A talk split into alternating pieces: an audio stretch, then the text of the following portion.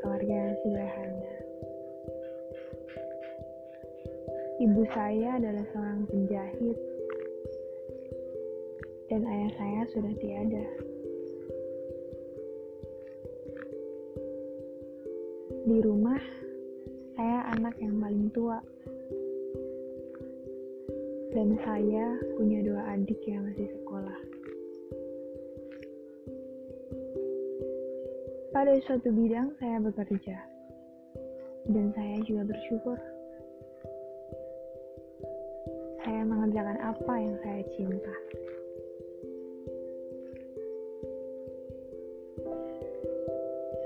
Beberapa bulan yang lalu, saya bertemu anak, om dan tante, di mana saya melihat dia yang paling biasa, sekaligus yang paling manis. Saya maju menyapanya, dan kami pun berkenalan. saya menyadari dia laki-laki yang langka. Singkat cerita, saya jatuh cinta kepadanya. Bersama dia, tak sia-sia waktu yang saya habiskan. Di dalam kepala saya, tidak ada niat untuk mencelakainya, melainkan satu melihat dia bahagia. Saya bukan manusia yang bisa membahagiakan dirinya seorang diri. Saya butuh dukungan om dan tante untuk merestui. Mungkin ada banyak rintangan yang nanti akan kami hadapi. Akan tetapi, saya yakin bersama restu orang tuanya, dia akan bahagia bersama saya. Andai kata restu itu tidak bisa datang di hari ini, saya akan pulang. Bukan menyerah. Di lain hari, saya akan kembali meminta restu yang sama.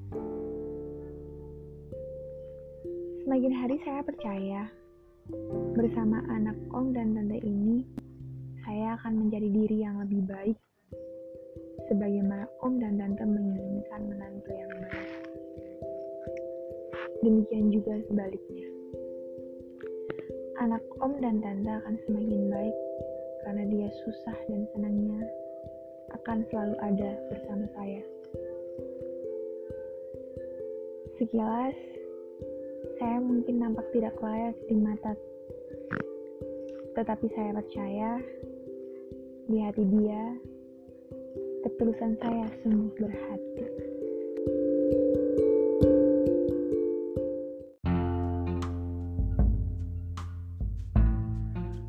Aku akan mendampingimu ketika flu membuat hidungmu merah. Aku juga akan mendampingimu ketika sehat membuatmu kembali berulah. Aku akan mendampingimu sewaktu kau sedih dan penuh amarah. Aku juga akan mendampingimu sewaktu kau bahagia dengan senyum mereka. Aku akan mendampingimu saat kau sibuk dengan tugas kuliah.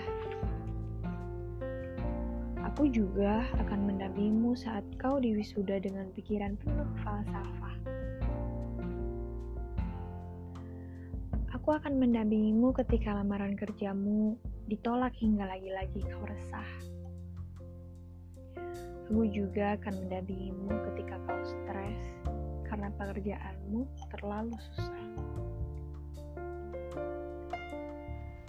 Aku akan mendampingimu sewaktu kau merasa tak berguna dan kalah. Aku juga akan mendampingimu sewaktu kau merasa menang hingga kesombonganmu parah. Aku akan mendampingimu saat kita menabung untuk masa depan dengan susah payah. Aku juga akan mendampingimu saat kita di pelaminan, mengikat janji untuk menikah. Aku akan mendampingimu ketika sembilan bulan kita dipenuhi resah. Aku juga akan mendampingimu ketika kita menjadi bunda dan ayah. Aku akan mendampingimu hingga raga kita berdua rentah dan lelah. Aku juga mendampingimu hingga nafasku berakhir sudah. Karena sampai aku kembali menjadi tanah, menyerah salah.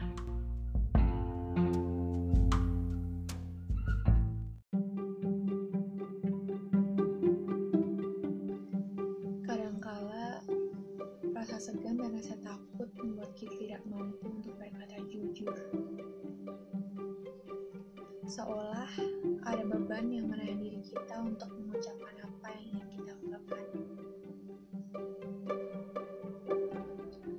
gatal ingin membetulkan apa yang kita rasa tidak sesuai dengan hati nurani, tapi kita memilih untuk bungkam. Dan memang lebih mudah berpura-pura semua baik-baik saja.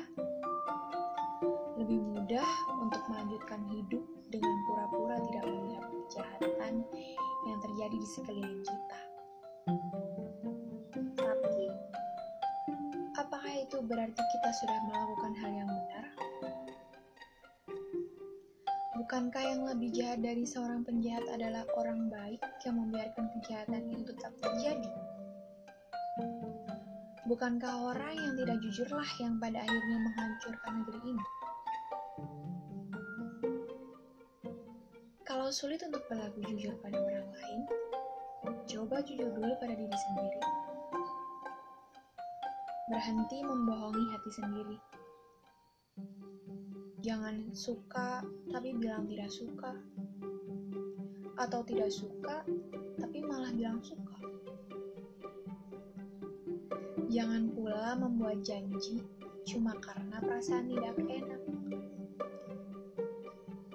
Karena seperti kita tahu, beberapa janji mengenal kadaluarsa.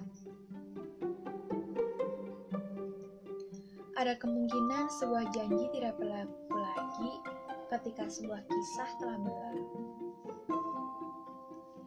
Janji setia sehidup semati bisa saja dilanggar ketika dua manusia memutuskan untuk berpisah.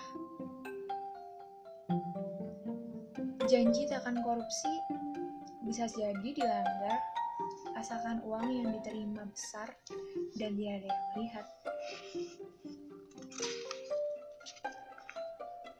Ah, bahkan yang lebih simpel aja masih banyak yang dilanggar. Janji untuk datang jam 5 sore, tahu-tahu baru nongol jam 7 malam.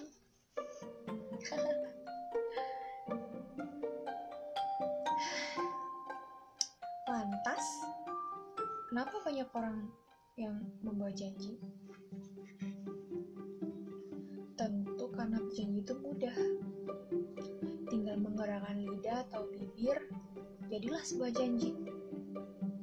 Yang sulit itu mempertanggungjawabkan janji. Makanya, tidak perlu membuat janji kalau memang tidak ada usaha untuk menepati.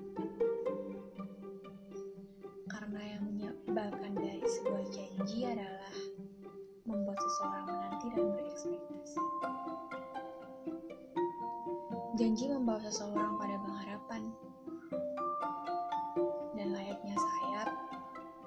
tinggi kita dibawa terbang oleh harapan, makin sakit jatuhnya jika apa yang kita harapkan mendadak hilang. Dan janji yang tak tertepati, apa bedanya dengan kebohongan?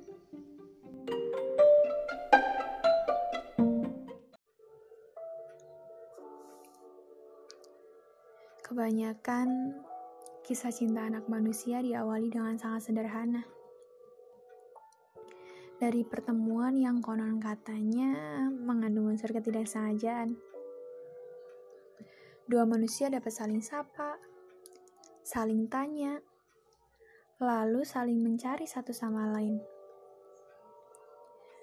Benih asmara pun tumbuh. Jika benih tersebut tumbuh di hati keduanya, itu pertanda baik. Namun, jika hanya tumbuh di hati salah seorang saja, ini yang akan menjadi masalah. Ujung-ujungnya dapat kita prediksi. Status galau bertebaran. Seiring dengan kode keras yang muncul secara sporadis, hanya agar dia mulai peka. Padahal, mungkin saja dia peka, tapi tidak mau berurusan lebih jauh denganmu. Manusia adalah makhluk berpikir. Itu yang membedakan kita dengan ciptaannya yang lain. Namun, manusia pun makhluk yang mempunyai emosi. Sayangnya, saat emosi sudah menghampiri, kita sering kali kehilangan daya untuk berpikir jernih. Kita lebih senang memberi kode, padahal dialog lebih memberi titik terang. Kita lebih senang menghilang, padahal pertemuan lebih memberikan gagasan. Kita lebih senang mendramatisir keadaan, padahal masalah seharusnya diselesaikan, bukan diperpanjang. Lalu, kau merasa dipermainkan. Katamu, ia tidak berhak membumbung tinggi hanya untuk menjatuhkanmu. Berawal dari mencari, berujung dengan mencaci. Perlukah? Sadarkah dirimu bahwa cinta itu jorok, muncul di mana aja? Bahkan di tempat yang tidak terduga. Cinta itu tidak kenal etika. Hilang tanpa permisi, bahkan di waktu yang tidak terduga. Perasaan yang terbang tidak selalu berujung mendarat dengan selamat Cinta yang sembunyi-sembunyi tidak selalu berujung ditemukan. Tangan yang saling menggenggam tidak selalu berujung dipastikan. Kadang kita harus mengalah pada kenyataan bahwa apa yang kita berikan tidak mesti sama dengan apa yang kita terima.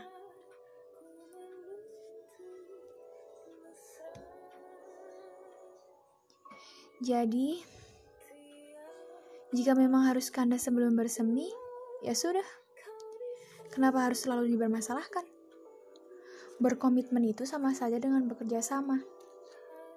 Kalau dia merasa tidak bisa bekerja sama denganmu setelah mengenalmu cukup dekat, apa harus dipaksa? Santai. Tuhan sedang mempersiapkan kisah cinta yang lebih baik untukmu.